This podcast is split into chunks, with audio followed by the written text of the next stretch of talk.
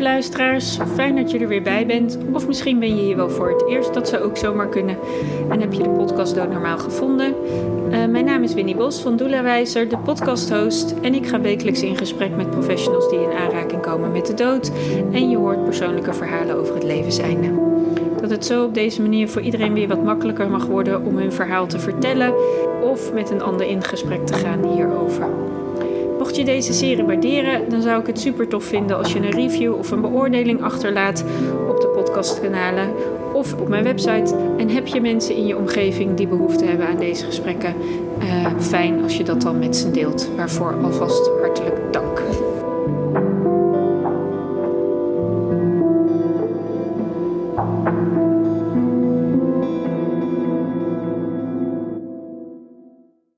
zit vandaag aan tafel met... Mylène Delahaye. Ja, wij kwamen op elkaars pad uh, door het interview wat ik heb gegeven bij Radio Noord-Holland. Het programma Waarheen Waarvoor van Koop Geersing. Uh, jij uh, hoorde mijn interview, jij werd geraakt um, en hebt contact met mij gezocht. En zo zijn we eigenlijk met elkaar gaan stappen. jij had ideeën waar mijn verhaal naartoe mocht. En toen hoorde ik jouw verhaal en toen dacht ik dat mag in de serie Dood Normaal ook verschijnen. Want dat is in die zin zo bijzonder. Dankjewel. Um, ja, ik, had, ik had al contact met je opgenomen voordat ik je interview had gehoord. Mm. Want ik zag dat jij een, een levenseinde doula was. En toen ben ik je site gaan lezen. En toen dacht ik, hé, hey, nou, van die mensen, daar moeten er meer van zijn. Dus toen heb ik mijn diensten aangeboden aan jou. Dus ik, nou, ik ben journalist, als je ooit kunt gebruiken. Want ik, ik ben heel erg um, voorstander van dat, dat, dat de dood meer de dood normaal wordt. En dat er mhm. als iets gezien wordt wat er gewoon bij wordt. Ja. En dat vind ik veel te weinig in deze wereld gebeuren. En waarom vind je dat? Nou, um, ik ben één keer bijna dood geweest als meisje van tien. Uh, ik had een, een uh, osteo, hoe heet dat nou? osteomyelitis, een beenmergontsteking in mijn linkerbeen. Uh, met hele, hele hoge koorts. Uh, en ik, op een gegeven moment lag ik een week op 41, 7, 41 uit, maar echt kantje boord. Dus er waren allemaal van die, van die uh, ik was iets jonger, 9 of zo, of 8. hele bezorgde gezichten om mij heen. Maar ik was helemaal niet bang of zo. Ik wist ook niet. Ze zeiden niet, je staat licht op sterven, dus je weet dat als kind niet. Maar um, het was, het was eigenlijk een heel vredig gevoel. Dus ik ben eigenlijk nooit echt bang geweest voor de dood. Um, ja, ik vind heel erg dat we heel erg zijn doorgeschoten in het leven te rekken tot het onmenselijke toe. De hele term versterven vind ik een verschrikkelijke term. Dat je mensen dan maar. Nou ja, je behandelt ze niet meer wat prima is. Maar ik zou ervoor willen pleiten dat, uh, dat het gewoon veel makkelijker wordt om, uh, als jij er geen zin meer in hebt, in mens, om wat voor reden dan ook, die mag je helemaal zelf bedenken, vind ik, dat je er dan makkelijker uit kan stappen en op een leuke en, of leuk, ja, dat is een beetje raar, maar op een rustige uh, en respectvolle manier ingevuld zoals jij dat wil. Het wordt nu, wat jij ook al tegen mij zei, het sterven sowieso wordt heel erg gecommercialiseerd. Je gaat dood. Er komt een uitvaartvereniging die heeft een zeer beperkt scala aan wat mogelijk is, aan, locaties, aan hoe het gaat.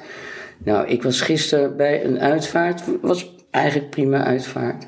Maar ik zou ook mensen liever op een andere plek willen ontvangen dan in een crematorium. En dan doen ze daarna mijn kistje maar, het, maar naar het crematorium. Maar gewoon. En ook niet in een uurtje klaar. Er stond er nog zo'n scherm. Uh, uitvaart van mevrouw die en die, hè, waar ik dan was. Van 1 uur tot 2 uur staat er dan. Dan denk ik, nou, die vrouw heeft een heel leven geleefd.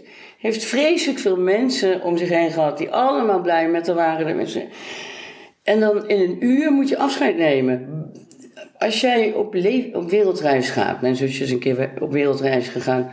Ik denk dat ik wel een week afscheid van haar heb genomen. Elke dag. Want ze ging dan twee jaar weg of zo. Nou, dus elk moment dat ik. Uh, dus ik zou dat.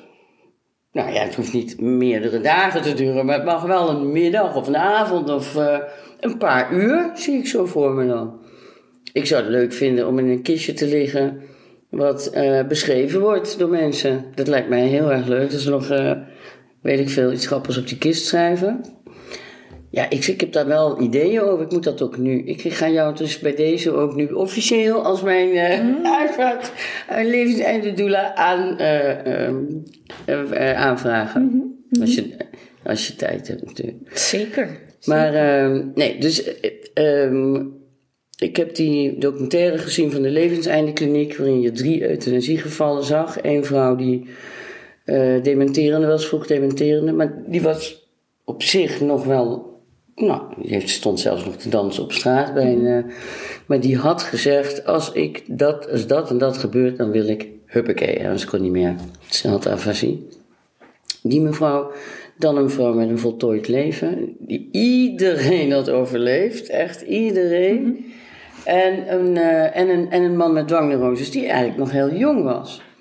En kijk, dat vond ik nou, dat vond ik eigenlijk het meest bijzondere geval, die man met die dwangneuroses. Want ik denk, Oké, die zat dus in een gevangenis van dwangneuroses. Die moest elke dag zijn kast uithalen en dan weer inruimen. En hij had een zoon.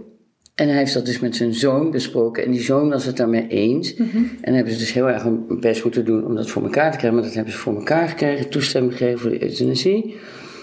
Nou, dat zou moeten... Dat zou, daar zouden de, daar zouden huizen moeten komen. Of inrichtingen gezellige plekken waar je naartoe kan gaan eh, en waar je gewoon kan aangeven, nou, ik ben er wel klaar voor. Ik, ben, ik, vond, ik heb een leuk leven gehad, of niet leuk leven, of whatever reden, maar ik, je gaat ook soms op, op het hoogte, hoogtepunt van een feest weg, dus ook, ook al ben je nog niet, ik vind dat je dat zelf moet kunnen bepalen. En dat dat veel makkelijker moet gaan en dat dat niet heel ingewikkeld moet zijn en dat dat uh, ja, wat jij op je site zet, je, je, je wordt onthaald met beschuit met muisjes. Zo, zo moet, moet dat ook weer worden. Dat wordt een glorieuze afscheid. Dat moet mooi zijn. Zoals het sterfbed van mijn moeder, die euthanasie heeft gepleegd. Was fantastisch mooi. Dat was eigenlijk een van de mooiste periodes die wij samen hebben gehad. Op, toen zij stervende was. Omdat alles alles gaat ergens over. Alles is belangrijk. Wat ze zegt, hoe ze kijkt. Ze had ook nog humor. Ze heeft me ook nog uh, vreselijk laten lachen bij ons afscheid. En onder druk gezet. Lichtelijk. maar ja, dat vond ik zo mooi. En toen, ja, de dag daarna ging ze met een spuitje. En toen zei ze tegen de dokter: Dank u wel, nu kan ik eindelijk slapen. En toen deed ze de ogen dicht, weet ik dan van de ik, wij waren er niet bij, dus ik kon geen afscheid nemen als haar vijf kinderen erbij waren. Mhm. Maar toen zei ze, toen ze ogen dicht en zei ze, oh. En toen ging ze. Dus ze zag iemand of iets. Maar ik heb daarna van iemand gehoord, dat is een bekende Nederlander waarvan niemand verwacht dat hij, dat hij eh, spiritueel is, maar die is super spiritueel. Ik ga zijn naam ook niet noemen, want het is ons geheim. Maar die heeft haar zien vertrekken. Want die belde mij op. Op de dag dat zij was overleden, was ik met mijn zus in de duin aan het wandelen. Het was een schitterend mooie dag. Uh, blauwe lucht met strepen erin. En uh, hij belde op en hij zei: Milen, ik heb geweldig nieuws over je moeder. Ik zeg: Mijn moeder is vanochtend overleden. Ja, ja, ja, dat weet ik. Maar ik heb geweldig nieuws. Ik zeg: Oké. En toen zei hij: Ja, met het, met het gevaar dat je me de rest van je leven een raaskande idioot vindt, ga ik jou nu vertellen dat zij geweldig is terechtgekomen. Want ik weet niet wat jullie tegen haar hebben gezegd, maar ze was nog heel even zoekende. En ze is, ze is als een veertje naar de plek gegaan waar ze moest zijn. En daar werd ze opgewacht door een oude entiteit die al, daar al een tijdje was, die zij kent. En ze is helemaal goed, ze gaat heel goed met haar. En dat is heel snel, want normaal dolen ze veel langer rond. Ik zeg, nou, ik vind je geen raaskande idioot. Ik vind het wel een heel troostrijk verhaal. En jij zou nooit, als dit niet echt waar was, iemand wiens moeder net is overleden gaan bellen met... Ik heb geweldig nieuws over je moeder. Als jij niet zo overtuigd was van wat jij nu net tegen mij verteld hebt. Dus dat was geweldig ja, dat was wel heel mooi. Het was wel heel moeilijk om haar, om haar dood te zien. Oh, dat kan ik me nog zo goed herinneren. Ja, Daar word ik meteen weer emotioneel van. Ja, ik zie het. Ja. Ja, dat was echt alsof... Ja, je, je, je neemt afscheid van een vrouw. Nou, eh, dan hoor je de dag na van die vriendin... Nou, je mamsje is voor altijd gaan slapen. Nou, toen ben ik met mijn zusje gaan wandelen. En toen ben ik pas... Toen ben ik s'avonds gaan kijken, of 's middags. En toen zag ik haar voor het eerst dood. En ja, dat is zo duidelijk dat ze er niet meer is. Dat was echt alsof ze mijn hart uit mijn gromp haalde, het op een hakblok legde en met een hele grote mokerhaam opsloeg. Ik, ik sloeg het letterlijk dubbel. Dus die rouw, die is er... Ja, die, zij wilde echt heel graag sterven, want zij was niet gelukkig. Maar die rouw was daar niet minder om. Nee, maar de manier waarop iemand gaat maakt ook niet bepalend voor jouw rouw. Hè? Die Nee. rouw is van jou Ja, voortkomend uit, missen. Ja, zeg het maar. Hè? Ik bedoel, Ja, en een ongelukkig leven was, daar was een punt achter gezet. Dus het einde was nu echt, zij had een ongelukkig leven gehad.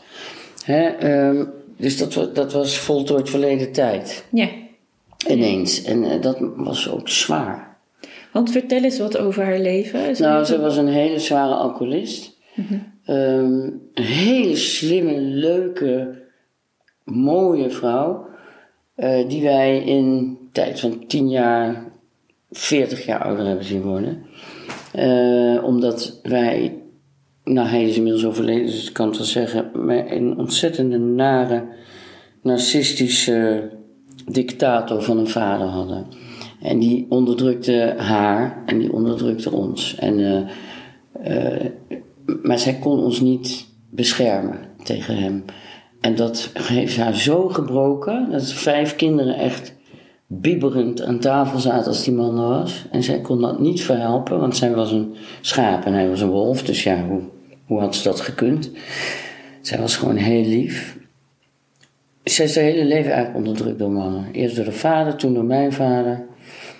Ehm, ze heeft in een nonnenkweekschool gezeten, wat ze vreselijk vond. Moest ze zich onder een laken wassen en zo. Nou, je kent het wel, de gezellig fundamentalistische katholiek. Eh, dus zij, heeft nooit haar talent, was heel slim en belezen. Ze, ze, ze heeft nooit kunnen bloeien, kunnen shinen eigenlijk. Ja, ik vond, eh, ja, wij vonden alle vijf haar de mooiste moeder van de hele straat. En al onze vriendjes en vriendinnetjes kwamen altijd met haar praten, omdat ze dat met hun eigen ouders niet konden. Ze was echt zo empathisch. En ook onze redding. Want ze zegt, ze, ze, ze kreeg dat schuldgevoel omdat ze ons niet kon beschermen, maar haar liefde heeft ons beschermd tegen die man. Want door haar liefde zagen wij dat er een andere weg was. En zagen wij ook. Mijn vader is een voorbeeld voor mij hoe het niet moet. Dat is ook een voorbeeld. ja, maar- soms leren we het de, vanuit de niet, eh, in Ja. plaats vanuit de wel. Dit is vanuit de niet Ja. een hele duidelijke leermeester geweest. Ja. Maar toen hij stierf, was er niet een hart wat op een hartblok werd gelegd hoor. Het was, nou ja, hè hè. Verlossing eigenlijk. Ja, ja. Ja. Hij heeft geen moment nagedacht over hoe fout hij het allemaal gedaan heeft. En wat voor kwaad hij heeft berokkend. Maar hij, was, hij is ook heel eenzaam overleden. Er was niemand. Hij had een technische crematie. Jij weet wat dat is. Ja, dan werd je kist gewoon bij het crematorium afgegeven. Juist. Door de uitvaartondernemer of de vervoerder of wie dat dan ook is. Dat mag je ook zelf doen als je dat Ja. wil. Wij, nou, dat wisten we niet, anders hadden we, het Ja. op de, hadden we hem op de aanhangwagen van mijn broer weggebracht. Ja. Want niemand wou, kon iets leuks over zijn leven zeggen. Dus ja, waarom moet je dan een crematie hebben? En ehm, Nou ja, dat moet omdat de wet voorschrijft dat je moet begraven of cremeren. Want anders mag niet in Nederland. Ja. En zijn vrouw was ook, eh, die zei ook van, eh, ja Milen, kun je me helpen? Want het moet mag allemaal niets kosten. Ik zeg, ja hoor, maar je kan gewoon volgens mij een kist op internet bestellen. Want via de uitvaartmaatschappij was die 850 euro. Maar toen gingen we een beetje, ik, en ze zei, ja maar ik koop nooit wat op. Ik zei, nou ik wel, dus... eh, dus ze had het crematorium al gebeld van, eh, of de uitvaartmaatschappij. Ja, wat kost dat nou eh, eh, om eh, iemand eh, eh, te cremeren? Ja, eh, gewoon puur het cremeren. Nou, dat is 550 euro. Ex-BTW zo. Het, was, het ging zo raar technisch, maar het paste zo bij wat hij verdiende op het einde. Er was niemand die iets leuks over hem kon zeggen. Dus um, ik zeg, nou, we gaan eventjes googelen, want via het crematorium was hij dan 650 euro. Nou, ik had er zo een gevonden voor 200. Ja, technische crematies worden ook weer door verschillende crematoria weer andere prijzen aangeboden. Ja. ja.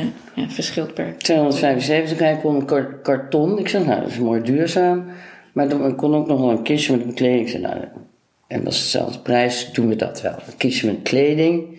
Maar die stond dus daar bij haar al in de woonkamer toen mijn vader daarnaast nog uh, zijn laatste adem aan het uit, en, uh, uitblazen was. En toen kwam de dokter, toen hij dus overleden was.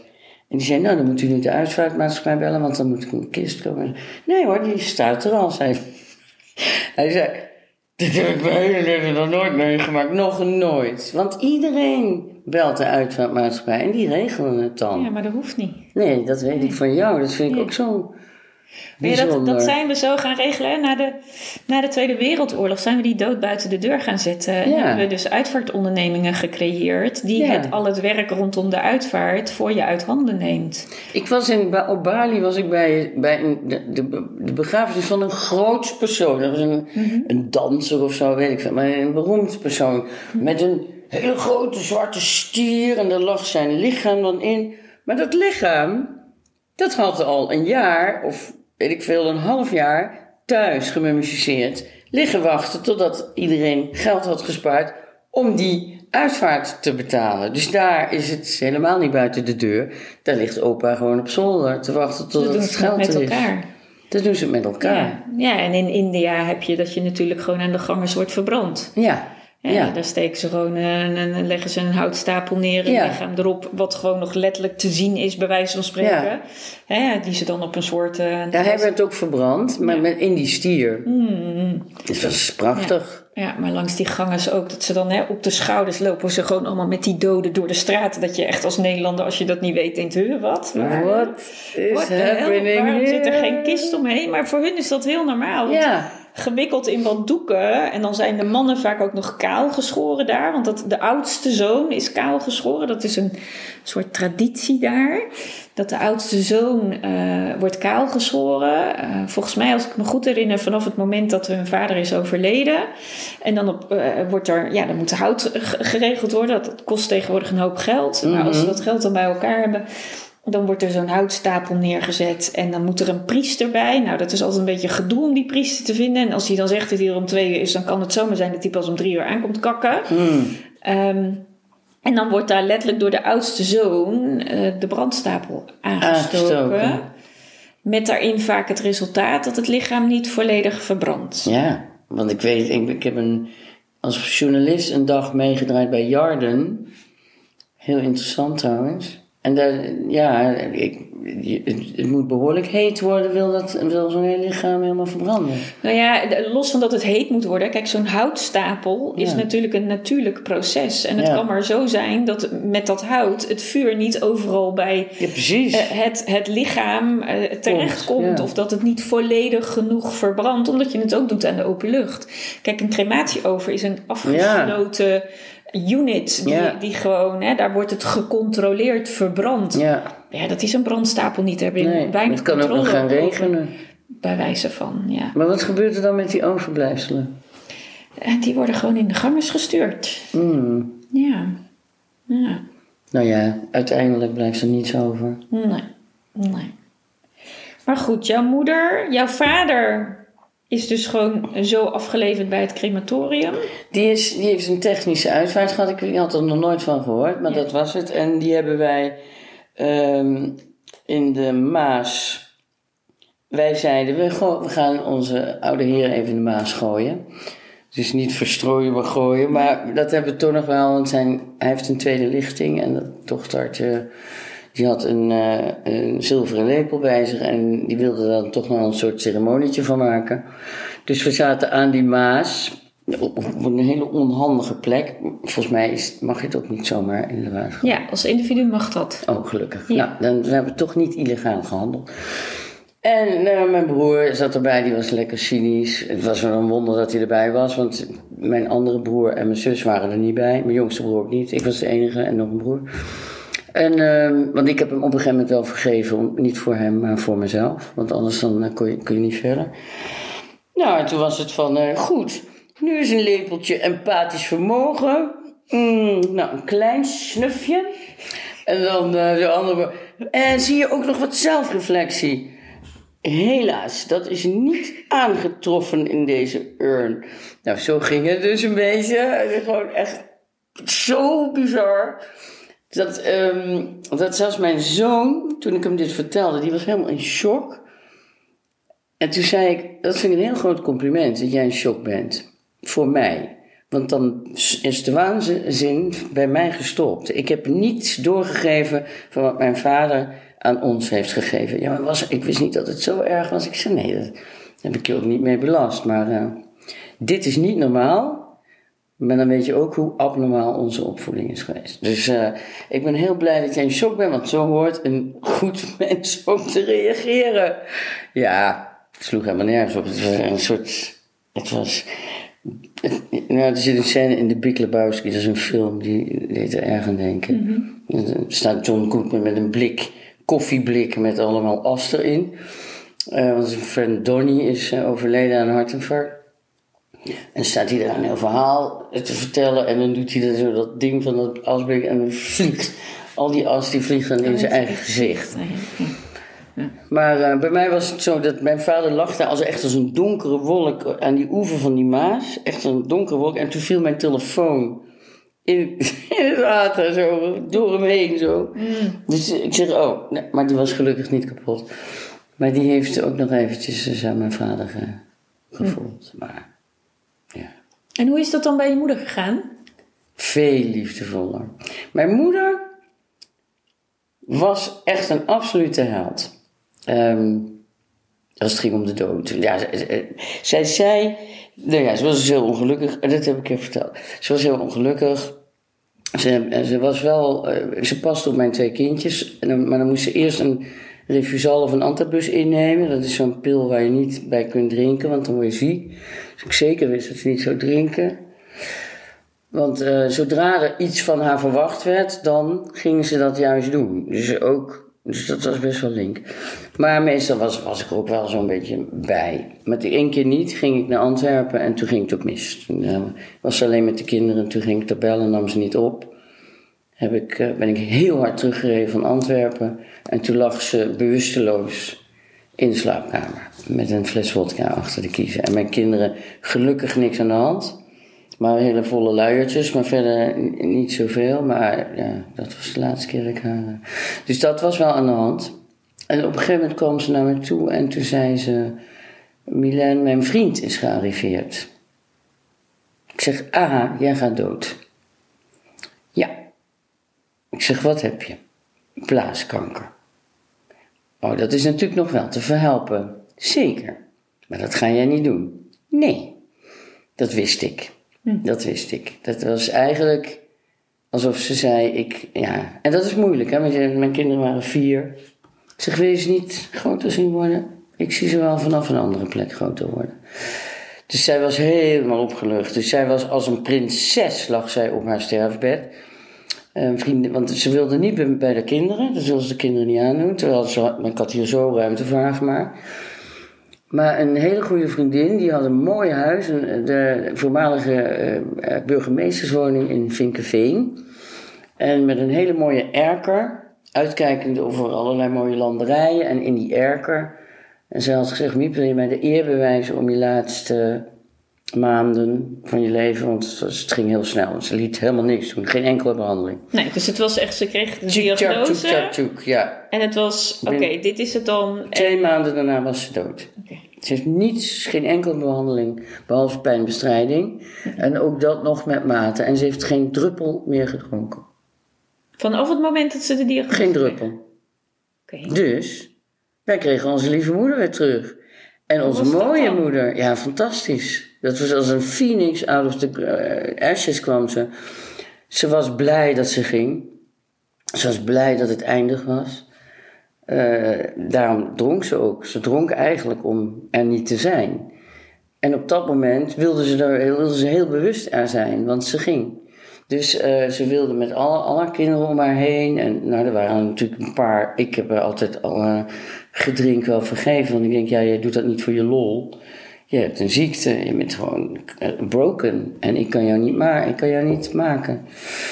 Dus ik, ik heb altijd ben ik met haar om blijven. Maar mijn zusje bijvoorbeeld, die, ja, die, heeft, die wilde haar niet meer thuis hebben. Die kon dat gewoon helemaal niet aan. Uh, maar die is wel weer, heeft wel weer helemaal het contact hersteld op dat sterfbed. Uh, en, wij, en zij, door die kanker, ze was helemaal opgeblazen door het drinken. Uh, van die koeperozen, van die adertjes in de wangen. Ze zag er niet meer uit. En ineens, ja, ze dronk niet meer. Maar ook door de kanker werd ze mager. Of, of de slank weer, zoals ze altijd geweest was. En uh, de mooie, mooie kopje kreeg ze terug. Alsjeblieft, uh, ja. dit is het. Uh... We komen straks de as ophalen en dan gooien we hem in de maas. Ja, precies, precies. precies Met een hoop gelach. Ja, precies. Dat. dat. is zo erg. Ja. Kan eigenlijk helemaal niet. Maar ja, nee, maar hij heeft het. Is, ja, maar dat is dus heel mooi wat je daarmee schetst. Is hoe verschillend het dus kan gaan. Ja. Hè? En, en hoe verschillend dat gaat, heel erg refereert aan wat is jouw relatie met degene die het betreft. Zeker. Hè? Om hem even te algemeniseren. Zeker. Uh, en dat daar niks mis mee is. Hè? Nee. Ik bedoel, we zijn allemaal wie we zijn in ons leven. Ik voel me er ook helemaal niet schuldig over. Nee, maar waarom kan dat dus ook niet hè, Ja. aan het einde van het leven? Want ze zeggen wel eens over de doden niets dan goeds. Dan denk ik, nou, Nou ja, mijn, mijn jongste broer, die is acteur, die woont in België. Die zei, zei wanneer is de crematie? Ik zei, er is geen crematie. Of er is wel een crematie. Wanneer is er weer uitvaart? Er is geen uitvaart. Toen zei hij, ja, want ik zie me al staan. Over de doden, niets dan goeds. ja. En dan komt er verder niks. Dus ja, dat was een hele korte uitvaart geworden. Ja, hij zei het letterlijk. ja. Ja, dus nee, dat was. eh, ik heb de twee een totaal uiterste meegemaakt. Want ook de uitvaartman, die heette Van Eden met zijn achternaam. Ik weet niet meer zijn voornaam, John of Jan van Eden, vond ik ook zo'n mooie naam. En dit was een hele fijne man. En die, maar mijn moeder was een heel mooi lijk. Ik zeg, hoe kan het nou dat mijn moeder zo. Want de eerste keer dat ik haar zag was vreselijk. Maar daarna werd ze alsmaar mooier en rustiger. Het kan ook zijn doordat ik er steeds meer aan ging wennen. Maar, maar leek wel of ze nog wat sproetjes erbij kreeg. En, eh, en eh, elke dag heb ik naast ze gezeten. Vijf dagen heeft ze boven de grond, best wel lang. Elke dag Billy Holiday voor de gedraaid. Want ik denk, nou, maar ja, Peter Lus. eh, Oh, nee, heb ik toch zijn naam verklapt. Het was Peter Lus. Knippen we eruit. Eh, maakt niet uit, het mag wel best wel. Ik denk niet dat hij zich ervoor schaamt. Maar in ieder geval, ehm, hij had gezegd, ze is meteen weg. Ik dacht, misschien is ze hier nog ergens en dan luistert ze misschien naar de muziek. Maar eh, ik, en hij zei ook, ja, sommige mensen, ja, het bloed dat gaat, dat loopt, dat, hè, dat gaat allemaal achteren, een soort ja. plank. En eh, ja, dan worden mensen, sommige mensen heel sereen. Er zijn ook mensen die helemaal niet mooi worden. altijd dat als iemand gestorven is, dat iemand echt dood-dood is. Maar dat is natuurlijk niet zo. Want hoe kan anders een lichaam veranderen vanaf het moment dat iemand gestorven is? Ja. Met een aantal dagen onderweg naar de uitvaart. Dat was zo. Er- vindt gewoon in ons lijf een ontbindingsproces plaats. Ja. Wat een heel natuurlijk proces is. Dus het is helemaal niet zo dat er niks meer in dat lichaam gebeurt. Dat denken we, Ja, omdat dat, nou ja, buiten niet toonbaar is, is niet waar. Want sommige mensen zie je echt letterlijk veranderen. ja. Eh, en mensen eh, kunnen ook mensen zelfs verkleuren. Maar eh, ja, dat, dat, dat lichaam ga- gaat gewoon een natuurlijk proces aan. En Ja, ze lag op een koelplaats. Ja. Dus het enige rare was dan als die plaat ineens aanging. ja, dat een rot Ring. Ja, Ja, ja. maar dan, dan trilde ze ook een beetje. Dus dan dacht je, oeh, Ja. oei. Nee, maar ik moest letterlijk wennen. Ik heb haar hele, alles, alles in me opgenomen. Elk sproetje, elk wimpertje. Ik vond het een heel naar idee dat ze verbrand werd. Hmm. Haar lichaam. Maar ja, het alternatief is begraven. Dat is ook niet leuk dat dat dan gebeurt. Maar ehm, dat vond ik wel lastig. Ja. Omdat ik haar, eh, ja, ik hield zoveel van die vrouw. Maar Dus- wat maakte dan dat het allemaal moest zoals zij wilde dat het moest? Eindelijk had ze het eens een keer voor het zeggen. Oh, ah. Eindelijk mocht zij het helemaal bepalen. Het was zelfs zo erg. Op, ik zal vertellen hoe eh, ons laatste gesprek ging. Dus zij, zij, zij, Ze had gezegd, over twee weken wil ik gaan. Want de pijn wordt nu echt wel een beetje te, too much. Paula had, had, eh, die had een beetje eh, goede connecties daar in Vinkenveen. En die had dat kunnen regelen. Die euthanasie. Want ze had helemaal geen euthanasie-testament. Ze had helemaal niks geregeld. Maar die had het kunnen regelen met twee artsen. En eh, twee weken. Ik denk, nou, oké, we hebben nog twee weken. Nog twee weken. Dus ik ging elke dag ging langs. Maar toen had ik een opname van Lieve Leed. Ik kwam uit die opname. En toen was de telefoon geweest en je moet met spoed je zus bellen. Want ehm, je moeder wil morgen. Ik nee, twee weken. Twee weken, had ze gezegd. Nou, dat is ineens, dat is echt een heavy shock hoor. Dus ik belde mijn zus en ze nee, nee man, en ze morgen. Want ze, is, eh, ze, is ze heeft pijn ze is klaar mee. Dus eh, je moet nu komen. Na een lieve leen, nou, opname, ik weet niet meer welke aflevering, maar... Dus met de krul nog in het haar daar naartoe. En eh, nou ja, toen zag ik haar zo liggen. Ja, Michel die had al afscheid genomen. En eh, andere broers ook. Of die kwamen daarna. En toen lag ze daar zo. En toen zei ze, nou, ik wil nog een paar dingetjes met je bespreken. Ik zeg, mam, dit doet mij denken aan zo'n film zo'n, van zo'n maffiabaas... die dan op zijn sterfbed nog allerlei dingen gaat eh, zeggen... waar dan zijn zoon of dochter de rest van zijn leven last van heeft. Dat wordt het niet, hè, hoop ik? Nee, nee, nee. Nou, één, je moet onmiddellijk stoppen met televisie. ik zeg, oké. Ik heb een programma waar 1,4 miljoen mensen nu naar kijken. Even die geld. Ik heb een tweeling, ben enige kostwinnaar. Mhm. Jij bent veel te mooi om in die wereld te zitten. Dat kan niet. Ze gaan je lelijk maken. Het is, het is niets wat bij je hoort. Nou ja, goed. eh, ik moest daar onmiddellijk mee stoppen. Ik zeg, luister, dat gaan we niet doen. Maar ik ga wel beloven nu aan jou... dat zodra de dingen die jij mooi vindt aan mij... en ik weet welke dat zijn... zodra die dreigen geweld aangedaan te worden... dan stop ik ermee. Nou, vooruit dan maar. Nou, dat... eh Even zo'n harses erbij. Vreselijk. Die, ach, het is, nee, ik kan me zo goed herinneren. Nou, en nummer twee. Ja, dat liedje wat je hebt opgenomen, wat je wou gaan spelen bij mijn uitvaart. Op een cassettebandje was dat nog, hè? we hebben het over een kwart eeuw geleden. Dat heb ik weggegooid. Dat had ik dus voor haar opgenomen. Hè? Ik had een liedje geschreven, tekst, opgenomen in een studio. Want jij gaat een piano huren morgen. Je hebt nu even wat huiswerk. En dan ga je dat voor mij zingen. Ik zeg, dat kan ik niet. Ik kan niet zingen als mijn moeder daar dood in een kistje ligt. Dat kan ik niet. Al het verdriet slaat eerst boem op je strot. Ja, en toch ga je dat doen, want ik ga het horen. Nou, zo erg was ze. Dus, en ik kende haar zo helemaal niet, maar ik vond het wel heel leuk dat zo. En Jan, dat is de vader van mijn kinderen, die gaat jou begeleiden op gitaar. Want stel dat je niet meer kunt piano spelen, dan kan hij en dan kan jij het liedje nog afzingen. Want het was wel een heel mooi liedje.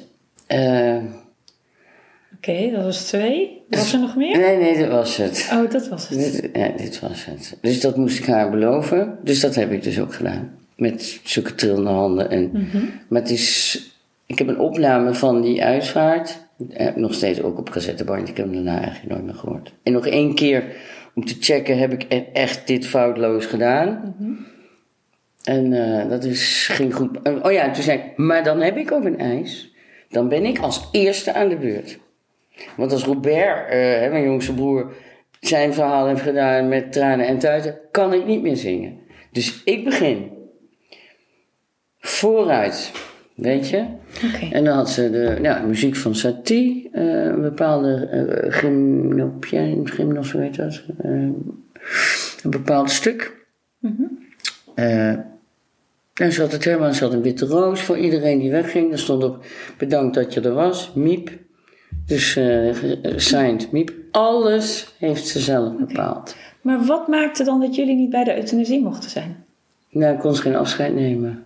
Dat vond ze te moeilijk. Nou, ik denk ook, eh, zij, kon, zij heeft nooit gezegd, jij bent mijn favoriete kind. Want dat vindt ze slecht, en dat is ook slecht, mag je nooit zeggen. Maar ze- zij had niet weg kunnen gaan. En ze had ook geweten dat Michel had dat niet aangekund. Bijvoorbeeld, ik wel hoor. Ik vond het wel jammer dat ik er niet bij was. Want ik had haar hand wel vast willen houden als ze ging. Maar was er eh, dus er was alleen maar de arts? En Nee, nee, nee, Oh. Paula. Oh, Paula Ja, was er wel ja, bij. Die mocht er- er wel bij ja, zijn. ja. Oké. Ja, Paula was erbij, maar haar kinderen niet. En nou, ik snap het ook. Ik snap ook dat je vijf van die kopjes, dat je dan niet kan gaan. Want het enige, ik ben niet bang voor de dood. Het enige waar ik echt bang voor ben, als ik ga, is het rauwe verdriet wat ik zie bij mensen die ik achterlaat. Ik denk dat ik daar heel veel moeite mee heb. Dus dat is het enige wat ik tegenop zie. Dat je dan afscheid moet nemen voor altijd. Ja, dat je, dat, je, dat, dat je moeite hebt met dat wat je achterlaat. Nou ja, dat je, dat je weet, die gaan nu heel veel pijn hebben, die gaan mij heel erg missen. Zoals ik weet dat mijn kinderen, die zullen, ja, een redelijk uniek geval van de moeder, die niet altijd makkelijk was, maar gaan mij wel missen natuurlijk. En mijn Ja. goede vrienden. Zo. Dat vind ik, dus daarom moet het ook eigenlijk heel liefdevol gaan. En hoop ik. Ik hoop ook niet dat ik zomaar van de tegen, met, tegen een boom rij met de motorfiets en dat ik dan ineens weg ben. Nee. Hey, en nou staat op tijdens dit hele gesprek Miep, je moeder, op tafel. Ja, hier is ze. Ik doe even op de urn, tik ik nu. Ja. En, eh, het is gewoon nog een urn van, eh, van de uitvaartmaatschappij. Ja. Den en Rust, nummer CO6589, Maria Schurgers. Overleden. Ja, nee, ze is gecremeerd. Ze is overleden op 3 maart, gecremeerd op 7. Het jaar? Of 1997. Ja, toen zat ik midden in Lieverleed. Hmm. Beeldhoven. Ik ben negen maanden depressief geweest na haar dood. Ja? Ja, heel erg. En waarom noem je specifiek negen maanden? Ja, toen was het over. Oké. Gek hè? Ja. Meestal is het een jaar hè, dat je moet rouwen. Ja, dat weet ik niet. Maar ehm, nee, dat zal voor iedereen anders zijn. Maar ik belde haar heel vaak zomaar. En dan dacht je, oh even niet. Oh nee. Ik zei, dat heeft heel lang geduurd. Maar ook, ja. Ja, zij had gewoon een matras van liefde onder onze kont liggen. Dat mis je dan. Ja. Dus die moederbedding, die was voor jou ineens van de een op de andere dag weg. Ja. En, en, en die, dat was het grootste gemis eigenlijk, Ja. waar je niet meer op terug kon Ja, maar ook zij. eh, ja, ik kon met haar heel goed praten over. Zij heeft mij heel erg veel mooie dingen ook geadviseerd, weet je wel. Ook bijvoorbeeld, weet ik nog heel goed, stonden we in Maastricht in de Arvalaan. Het was eh, ons het grote huis wat we toen hadden, dronk ze wel al. En toen zei ze, stond ze voor de spiegel stond ze haar haar te doen en zo. En toen zei ze, als je nou straks klaar bent met de middelbare sch- school, ga dan niet te snel werken. Ga gewoon nog heel veel genieten van het jong zijn. Hè? Ga gewoon, want je hebt tijd zat. Was toen ook zo, is nu anders. Je hebt tijd zat, dus ga iets doen wat je leuk vindt. Dus ik ben ook moment kunstgeschiedenis gaan studeren, terwijl ik wist, daar ga ik nooit wat mee doen. Maar ik, heb, ik had heel veel algemene ontwikkeling, vond ik zelf gemist, omdat ik heel veel in het ziekenhuis had gelegen. Dus ik denk, nou, dat is een mooie manier om het, eh, om het een beetje bij te spijkeren. Want je hebt veel in het ziekenhuis gelegen door, dat Door je, dat been. door dat been wat je... Ik heb, ik denk, de helft van klas 2 gemist. En dan ook weer de helft van... Ik ben heel vaak, ze hebben dat been heel vaak eh, proberen te redden. Ik heb twee keer met een, in het ziekenhuis gelegen met een penicillinekuur van zes weken. Omdat ik anders zou sterven. En in Nijmegen, in het Radboud ziekenhuis, hebben ze dat been gered. En anders had het, nou, ja, dan had ik een prothese gehad. Tot, tot bijna bij mijn lies. Hmm. Het zat in mijn bovenbeen. Ja. Ja, dus, dus eh, moeilijk. Ja, dus ik was een zorgkindje. En mijn moeder, die wilde dat ik niks miste. Dus toen wij kwamen bij een uit, uitkijktoren, waar mijn zus en mijn broers omhoog stoven. En dan ging zij mij die hele uitkijktoren optillen. Hmm. Dus ja, zij was heel erg. eh, Dus dat maakte ook waarschijnlijk wel Onze waarom band. je zo'n band eh, ja, met haar had. een hele speciale band. Ja, ja, snap ik. Want toen lag ik in het ziekenhuis en, en, en dan... Een ziekenhuis ruikt heel steriel. En ze had een konijnenbontjasje toen. Dat weet ik nog heel goed. Dan kwam ze binnen en dan, dan ging ik helemaal met mijn neus in dat bontjasje, want daar zat de geur van buiten in. Ze was echt mijn lifeline eigenlijk. En nou heeft je moeder eh, eigenlijk twee boodschappen aan je gegeven. Ja. Eén was dat je dus moest zingen tijdens de uitvaart. Ja, check. Eh, it, ja. been there. Oké. En die andere? Ja, die heb ik ook gedaan. Hmm. Ja, die heb ik ook gedaan. En ook inderdaad, nou, ik ben ehm, niet door haar gestopt met televisie. Dat was meer omdat ik een, een heel belangrijk persoon had beledigd. Dus toen kwam ik, op, ik werd geblacklisted, dat gaat echt nog zo. Ehm, en toen ben ik gaan schrijven voor Panorama. Dat was beter te combineren met mijn moederschap. Want televisie, nou, dat is een heilige koe, daar moet alles verschuiven. Hè. Dus eh, dat is gewoon 60 uur per week je werk. En, eh, maar ik ben zelfs helemaal gestopt met, met de media. Want ik ben, daarna Panorama ben ik nog wel teruggegaan naar televisie om achter schermen te werken. Maar ik heb een, een soort, ja, hoe zeg je dat, awakening gehad, zeg maar. Eh, door een vrouw die ik heb leren kennen, Marjolein. Die heeft een spiritueel centrum in Haarlem, de I Am Academy. Ook met mijn moeder een klein beetje in gedachten hoor. Gestopt. Ik zat midden in een televisieprogramma. Ehm, daarvoor, eh, ja, het was een belachelijk televisieprogramma voor een, eh, een commerciële omroep. En we moesten, nou, ik wil het niet eens uitleggen wat ik moest doen op die redactie. Maar het was in ieder geval ma- mensen manipuleren, in hokjes stoppen.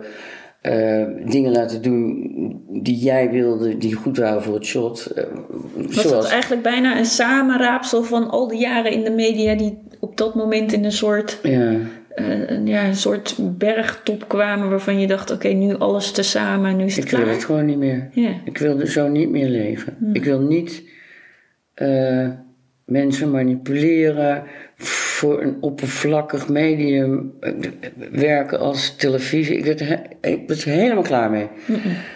En wat ben je uiteindelijk gaan doen? Gelukkig eh, was degene van die productiemaatschappij een vriend van mij, een goede vriend. Dus die snapte het. Ik zeg, het, Vincent, het moet stoppen. Ik trek het niet meer. Ik ben het ontgroeid. Ik wil dit niet meer doen. Iedereen was ook ongelukkig in, in, in dat bedrijf. Dus eh, ik weet niet. Het is toch een, een, een, een toxic world. Vond ik. Ja. En eh, dus nou, wat ben ik gaan doen? Toen ben ik voor het eerst in mijn leven eh, ben ik in de WW beland. Van 180 km per uur naar stilstand, zeg maar. En eh, ik wist het niet. Ik denk, ik wil in de zorg misschien wel. Ik wil in de uitvaartsector misschien wel. Omdat ik helemaal niet bang ben voor de dood. Mensen goed kan troosten. Ehm er niet voor wegloop als iemand zegt het gaat niet goed met me, weet je wel. Ehm, maar dat is lastig, want ik heb daar verder geen papieren voor. En toen kwam ik steeds tegen. En ik, nou ja, ik, ik, kan, ik heb natuurlijk skills, ik kan schrijven. Dus ik ben bij de Happiness gaan solliciteren. Ik denk, nou, dat is een blad. Hoef ik geen, niet op zoek naar rottigheid. Want dat was bij Panorama. Hè? Ga op zoek naar rottigheid en schrijf daarover.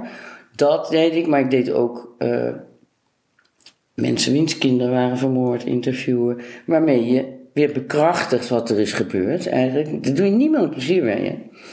Ja, zij dachten ze, omdat ze vanuit hun rouw denken: Ja. ja. die kinderen hebben nog een podium. Dus dat zei ik ook tegen mezelf: nou ja, ik geef die mensen nog een podium om hun veront- verontwaardiging ehm, eh, tentoon te stellen. Maar eigenlijk is dat niet helend.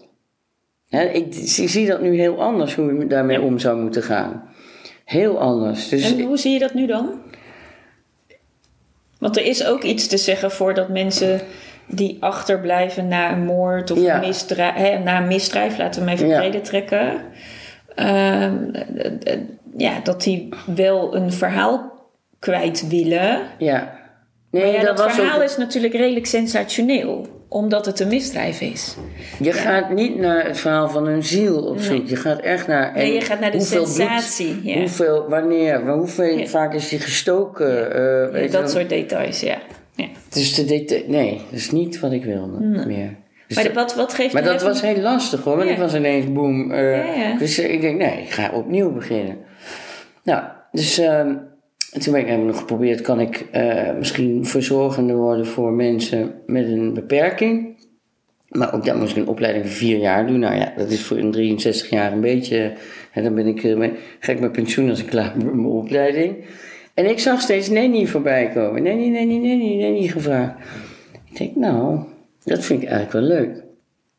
Dus toen ben ik de Nanny-opleiding gaan doen. Terwijl ik al bij een vrouw voor haar twee jongetjes zorgde. Nou, die jongetjes waren redelijk beschadigd. Dat waren expat jongetjes die vier jaar lang uh, ja, verzorgd waren door Aziatische baboes. En dus eigenlijk alles hebben gemogen wat ze, wat, wat, wat ze maar wilden. Ze waren compleet onopgevoed en... Nou, dat was zo zwaar. Ik denk, wow, waar dacht ik dat ik dit moest gaan doen? Maar ja. Het, nu heb ik een nieuw gezin, want zij zijn uh, geëmigreerd naar Engeland. En dat is geweldig. Dat zijn zulke leuke kinderen en het zijn zulke leuke mensen. En, en dat gaat zelfs zo goed dat ik met hun mee ben geweest uh, twee weken geleden naar haar zus in Engeland. Die een groot landhuis heeft en paarden en koeien en kippen. En, Mm. en die kindjes helemaal blij dat uh, mijn Milan, want zo noemt Theresa mij, die is 2,5. Ik ben zijn Milan. Hij heeft mijn mama, mijn papa en mijn zo. Fantastisch, toch? Ja, en dat is zo helend. Zeker als je een opvoeding hebt gehad zoals ik. Dat je het nu goed kan doen. Ja, eigenlijk is het, het uh, uh, ik moet een beetje denken aan Andre Norman. Ik weet niet of je hem kent. De Amerikaan Nee. die 14 jaar in de bak heeft gezeten, waarvan 2,5 jaar in isolatie. Oké. En die nu zegt, uh, als jij weet wat ik niet heb gehad, dan snap je ook waarom ik nu mijn werk doe. Uh, alles wat er in de wereld gegeven mag worden is liefde. Ja. Uh, en, en heling. En dat is waarvoor ik hier ben. Dus uh, waar ik het maar uit kan geven, wil ik het uitgeven. Ja. Dat is eigenlijk een beetje hetzelfde wat jij doet met de kinderen. Precies dat. Maar ook, uh, ja, mijn omgeving heeft ook wel een enorme. Ik had echt een behoorlijk ego. Hè? Dat is Tolle heel goed in, om, om je dat te laten zien, hoe dat werkt. Maar ook in het uitzenden van energie, hè, om te denken vanuit verbondenheid en niet vanuit afscheiding. Mijn vader heeft ons alleen maar geleerd, wij zijn, wij zijn wij zijn beter, wij zijn sterker, wij zijn dit, wij zijn dat. Alleen maar vanuit afscheiding zijn wij opgevoed. Uh, het is ook fijn, dat, ik ben daar geweest, hè, uh, midden in je carrière met twee kinderen. Ik werk nu voor twee advocaten, midden in een carrière met twee kinderen. Dus ik weet wat ik moet doen om ze te ontzorgen. Wat mij enorm veel uh, voldoening geeft. Ik kom daar binnen en, en ik kan daar echt wat zijn. Ja, want eigenlijk wat, wat, de verbinding die je vroeger zelf niet als kind hebt gehad, dus dat nee. is de verbinding die je nu wel hebt met deze kinderen. Ja, en ik moest, toen ik mijn kindjes had, ik was wel een, een redelijke moeder, maar ik ben nu veel beter. Dus ik, ik voel me soms ook een beetje schuldig dat ik zo weinig tijd mm. voor ze had. En dat zeg ik ook al tegen ze, maar ja, ik, ik moest ook het geld ja, verdienen. Ja. Maar nu, als Reza, uh, we gaan naar de Albert Heijn en hij wil al die rekken langs om te kijken wat er allemaal... Dan kan dat. Ja hoor, wil jij hier een beetje rondkijken? Nou, leuk. En een man sushi aan maken. Ja, leuk. Dat is allemaal goed. En, en het is heel zen. En het is heel leerzaam om naar een kind te kijken. Ja, zeker. Want zeker. wij proberen hun uh, onze wijsheden. Maar nee, dat andersom is dat prachtig. Ze hebben enorm veel wijsheid. We kunnen wijs veel leren van Echt waar hoor. In, om, zeker om in het moment van nu te zijn, kunnen we van ze leren. Ja. Want dat zijn ze nog veel meer dan wij. Ja. Natuurlijk, of veel meer. Maar ook hoe ze contact leggen, hoe ze non-verbaal communiceren. Ja. Uh, het is echt heel erg leuk. En ik, ja, dat is natuurlijk fantastisch als je dat kan doen. Ik doe het nu twee dagen van tien uur. Dus het is echt een, een, een blok eiland kids. En ik heb nu net vanochtend gesolliciteerd voor één dag erbij. Dus dan doe ik Oh, ja. drie. Ja. Daarnaast wil ik ook gewoon, uh, uh, vind ik het leuk om uh, film te filmen en, Ja. en te monteren. Dus ik heb net een filmpje gemaakt over een hond die al 13 jaar bij iemand is en die helaas uit zijn lijden verlost moet worden. Want hij heeft tumoren en zo. Mhm. Dus dat is een buurvrouw van mijn zus. En die contacte me of ik een filmpje kon maken van over haar hond. Een memoriam filmpje. Nee. Nou, dat vond ik ook super gaaf om te doen. En ik heb die hond ook ontmoet. Hij leeft nog. Hij gaat morgen. Dus dat is ook...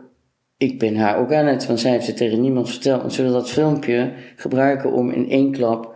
het naar iedereen te sturen, zodat ze niet de hele tijd dat verhaal opnieuw hoeft te vertellen. Maar ja, ik ben dus de enige die weet dat ze dit gaat doen. Dus ehm, ehm, ja, dus ik ben gisteren ook even langs de gefietst Ja. en even kijken hoe het er is. En, eh, Ja.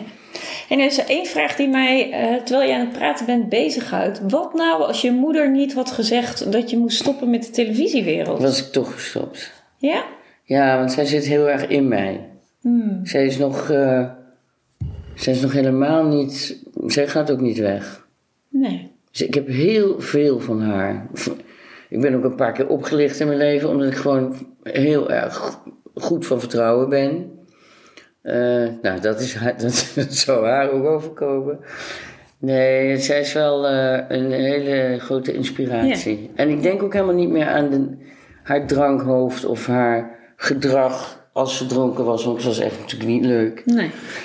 Ik, ik zie haar, ik zie haar. Hmm. En ik voel haar. Ja, en nou is het vanaf 1997 dat zal in een urn zit, Ja, die jij nog steeds in je bezit hebt. En ik krijg hem niet open, Winnie. Kun Nee. je me daarmee helpen? Want Ja, ik wil ik kan. haar as eh, verdelen over vijf urntjes voor iedereen eentje. Ja, zo'n tijdelijke urn die wordt altijd heel erg mooi, eh, goed vastgelijmd. Ja, Zodat, stel dat je eh, nou ja, per ongeluk hem om laat vallen, ondanks dat er nog wel een zak in zit.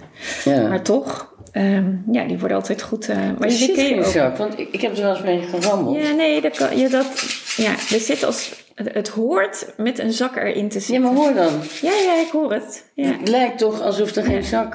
Nee. Sorry, man. Ja, Sorry, misschien man. deden ze dat wel in 1997 anders. Ik bedoel, ehm, Ja. ik loop niet al zo lang mee in de uitvaartwereld, maar... eh, Nee, je bent ja, jonger. ja, precies.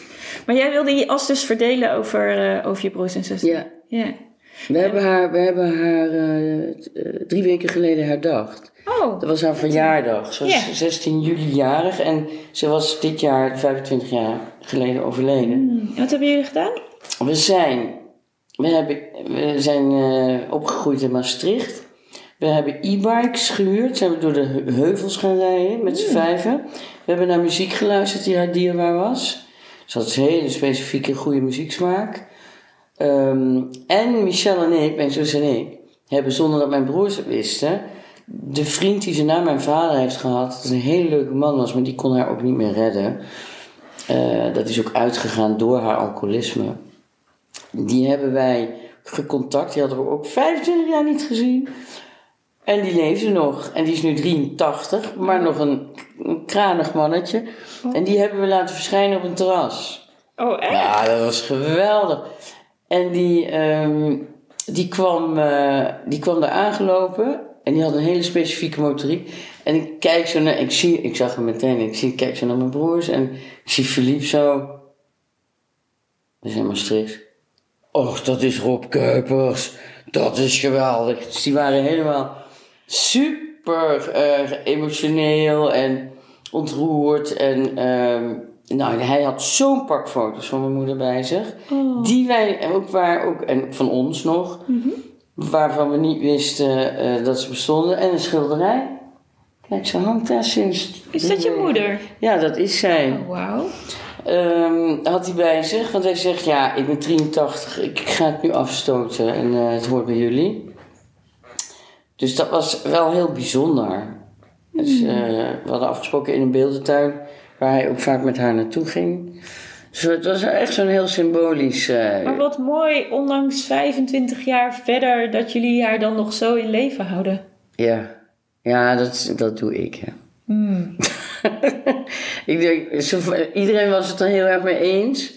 Maar ik ben wel degene die dat dan allemaal. eh, Ja, maar dat is meestal in een familie, toch? Dat Ja, er één is iemand is die die de initiatief neemt. En mijn die- zus vond het ook echt heel fijn. En Ja. het was ook fijn. En eh, ik had een filmpje, een in me- memoriam filmpje gemaakt. Want zij heeft de laatste vier jaar van haar leven... was ze bij mij, veel bij mij, omdat ik die tweeling had. Die was, eh, dus vanaf geboorte is ze daarbij geweest. Ze was ook bij de geboorte. Keizersnee.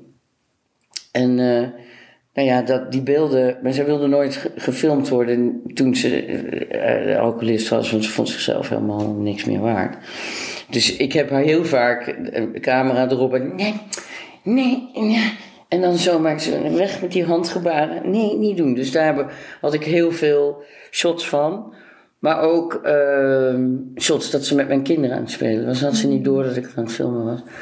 Dus dat hebben we dan een compilatie van gemaakt laten zien. Nou, er waren echt nog wat traantjes Ja. bij mijn broers. En nou, ik vond het heel fijn om dat nog te zien. En is dat dan ook de aanleiding dat je nu zegt van die as mag verdeeld worden? Ja, Ja. ze mag nu verdeeld worden. ja. Ja, zeker. Maar dus ja. Kijk, als, als, er, die, als, als er die sterfhuizen zouden zijn, hè? Dat is een beetje een rot woord, sterfhuis. eh, Nee, maar gewoon... Afscheidshuizen. Ja, precies. Afscheidsceremoniehuizen. of ceremonie is ook weer zo'n woord. Anyways, Viering van het leven. houden. ja, viering van het leven. Ja, er moet een goede naam komen. Maar als die er zouden zijn geweest, dan was zij. Ze, hebben, ze vertelde op een gegeven moment dat ze een pistool had in huis. Dat ze, om, als ze echt niet meer trok, dat ze zichzelf van kant kon maken. Ik zei, maar dat ga je toch niet doen, zeggen. Jezus, maar ja, als die huizen er toen geweest waren, was mijn moeder er al veel eerder naartoe gegaan. En had ze met ons rustig kunnen overleggen. Jongens, ik vond het allemaal. Ik vind het heel vreselijk om jullie te verlaten, maar ik ga, want ik ben niet blij. En dan hadden wij gezegd: ja, ga, want wij zagen dat ze niet blij was. En dan was dat hele afscheid al eerder geweest met veel minder lijden van haar kant. Dus het gaat jou heel erg over die zelfbeschikking over je eigen leven. Complete zelf. Waarom moet je daar. toe- Het is zelf- volgens mij is zelfmoord zelfs strafbaar. Mag je dat niet eens doen? Het is een beetje lastig om strafbaar te maken, want Ja. je bent er niet meer. als Nee, je bent er niet meer. Nou ja, maar als je een poging doet. Nee, volgens mij is het Oh, niet strafbaar. Maar het is, het is toch van de gekke dat mensen zo. Zulke eh, rigoureuze dingen moeten doen. Zoals die vrouw waar ik gisteren bij de uitvaart was, die is dan gesprongen. Herman Brood, gesprongen. Die was ook naar zo'n huis gegaan. Nou, misschien vond hij het nog wel leuk om van het Hilton af te Ja, springen. ik denk Maar- dat hij meer sensatie wilde. Ja, dat zei Bart Sabot zei. Hij heeft geen punt achter zijn leven gezet, maar een uitroepteken. ja, dat vind ik wel een hele goeie. Maar, ehm, Nee, maar goed, iedereen gaat op zijn eigen manier. Hè? We hadden het eh, eh, voordat we deze opname begonnen al even over Peter R. de Vries. ja, ja. Hè, waarvan we ook, ja, ik denk dat iedereen wist, eh, of wel zoiets had van, nou ja, ik bedoel, het staat bijna op zijn voorhoofd geschreven Ja. dat hij niet op een normale manier deze aarde verlaat. Nee, Ja. hij was met veel. Hij was ook. Ja, zeker, omdat ik kende hem heel goed. Hij wist als geen ander dat hij bepaalde patronen niet moest eh, herhalen in zijn dagelijkse verkeer. Eh, omdat hij dan gewoon een sitting duck zou worden voor mensen die het echt slecht met hem voor hadden. En hij wist dat er mensen waren die het slecht met hem voor hadden. En hij deed het niet. Dus ja, ik weet niet of hij zijn kinderen zoveel verdriet had willen doen. Maar hij, hij wist dat hij met vuur speelde. Ja.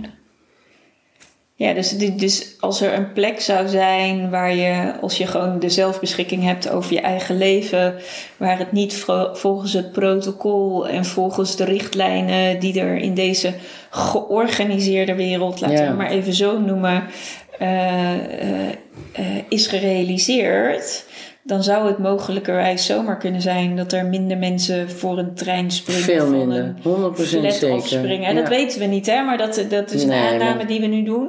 Eh, dat Weet er- je wat ik mooi zou vinden, Winnie? Er zijn twee mensen al 60 jaar bij elkaar. Eentje krijgt eh, een ongeneeslijke ziekte. En de ander zegt, ik ga met je mee. Is al een paar keer gebeurd, hè? Wat ook in de pers is gekomen. Wist ik niet. Ja. Ja, maar die moesten het dan zelf ingewikkeld doen, of niet? Nee, er is één, eh, ik, er is één echtpaar, of echtpaar, dat is een, twee vrouwen, dat was ook echt een stel. En die hebben met z'n tweeën mogen gaan. Middels vind ik dus-. Oh, nou, dat vind ik dus het toppunt van liefde, romantiek en hoe het zou horen. Ja. Met, en dan liefst nog met z'n tweeën, lepeltje, lepeltje in het kistje. Ja. En dan samen begraven. Ja. Of cremeren, whatever. Dat, dat zou moeten kunnen in Nederland. Ja. En op de hele wereld. Ja, dus in plaats van, hè, als we hem dan even zo trekken, je hebt de opties eh, cremeren en begraven voor als je er niet meer bent. Hè? Dus je bent gestorven.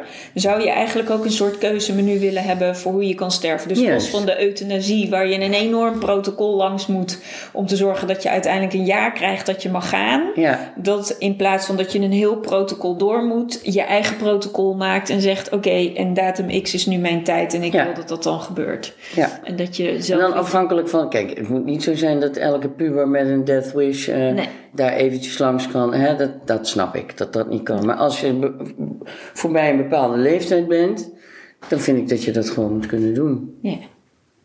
Dat vind ik, dat, het zou ik niet meer. Kijk, je hebt van die science fiction films waarbij mensen op een bepaalde leeftijd worden geëlimineerd. Dat hoeft nou ook weer niet. Nee. Of eh, dat, het, ze wordt, eh, dat het wordt toegejuicht, dat ze maar moeten gaan. Dat zeker niet. Iedereen mag zo lang hier op deze aarde blijven als hij wil. Maar als hij wil, Ja. daar zit het hem in.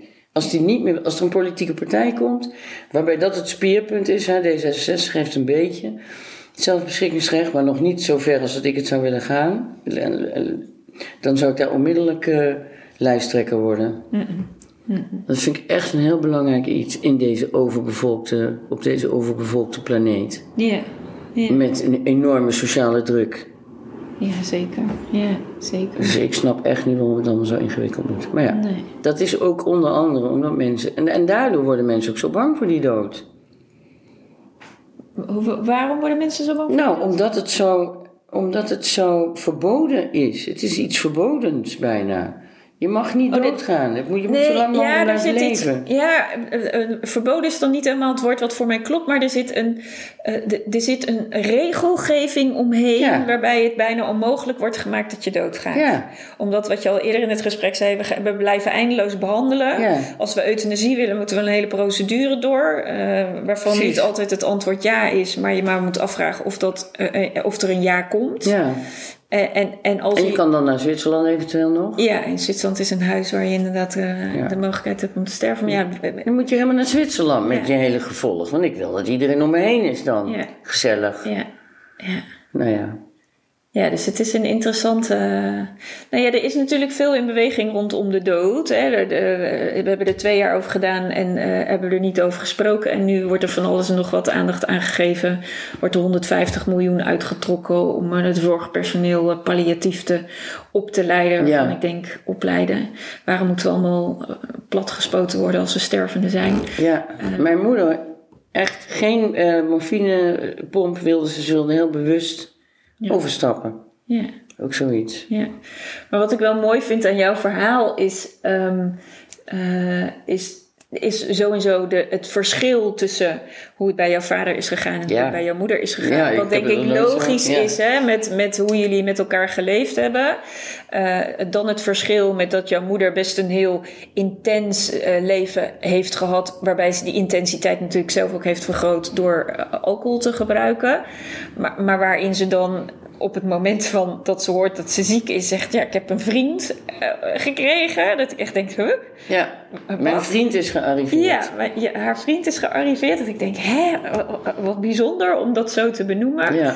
En dan, hè, want alcohol doet ook echt iets met je lijf. Dus daar zomaar mee stoppen heeft ook wel zo zijn effect. Maar dat dan toch eh, het doet. Van een het andere Cold moment. turkey Ja. gewoon stopt. En dan van niet leven naar leven gaat. En dat dan zo ook regisseert. Omdat ze eigenlijk in de leven nooit heeft gekregen wat ze wilde. En nu denkt, nou is mijn kans. Ja, nu gaan jullie het allemaal naar mij luisteren. moment. Dat had ze heel erg. Dat Ja. is geweldig. Ja, dus dat, dus dat vind ik echt heel mooi aan jouw verhaal. In Ja. combinatie van dat jij dan ook hè, daarin je eigen mening hebt van laat er zelfbeschikking zijn. Want we zijn toch de eigenaar van ons eigen lijf. En mogen we dan ook zelf beslissen. Ja. Als we dan denken dat we willen gaan. Dat Het we is van mij. gaan. Maar, Ja. maar kijk, ik heb ook.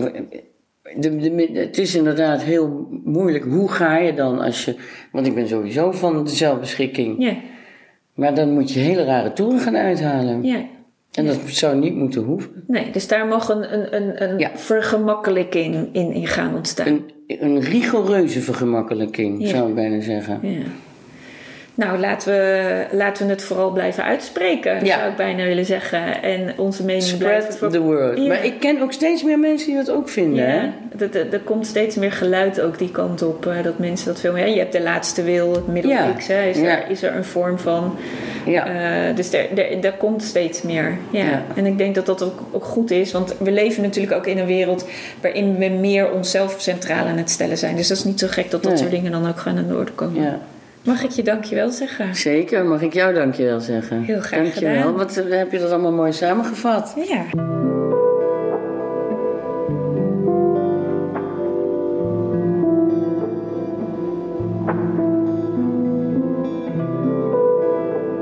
Nou, dat was hem weer voor deze week. Eh dankjewel voor het luisteren. Fijn dat je er weer was. Ehm, mocht het nou zo zijn dat je vragen hebt of opmerkingen of suggesties of wensen voor onderwerpen of heb je gasten die je kunt aanreiken, dan sta ik er altijd voor open. Eh dankjewel als je met me mee wilt denken. Eh, hetzelfde voor het delen. Eh, deel het met je vrienden, bekenden, familie, wie dan ook in je omgeving. Want hoe meer de verhalen verspreiden, ehm, hoe beter het is. En voor nu, tot de volgende aflevering.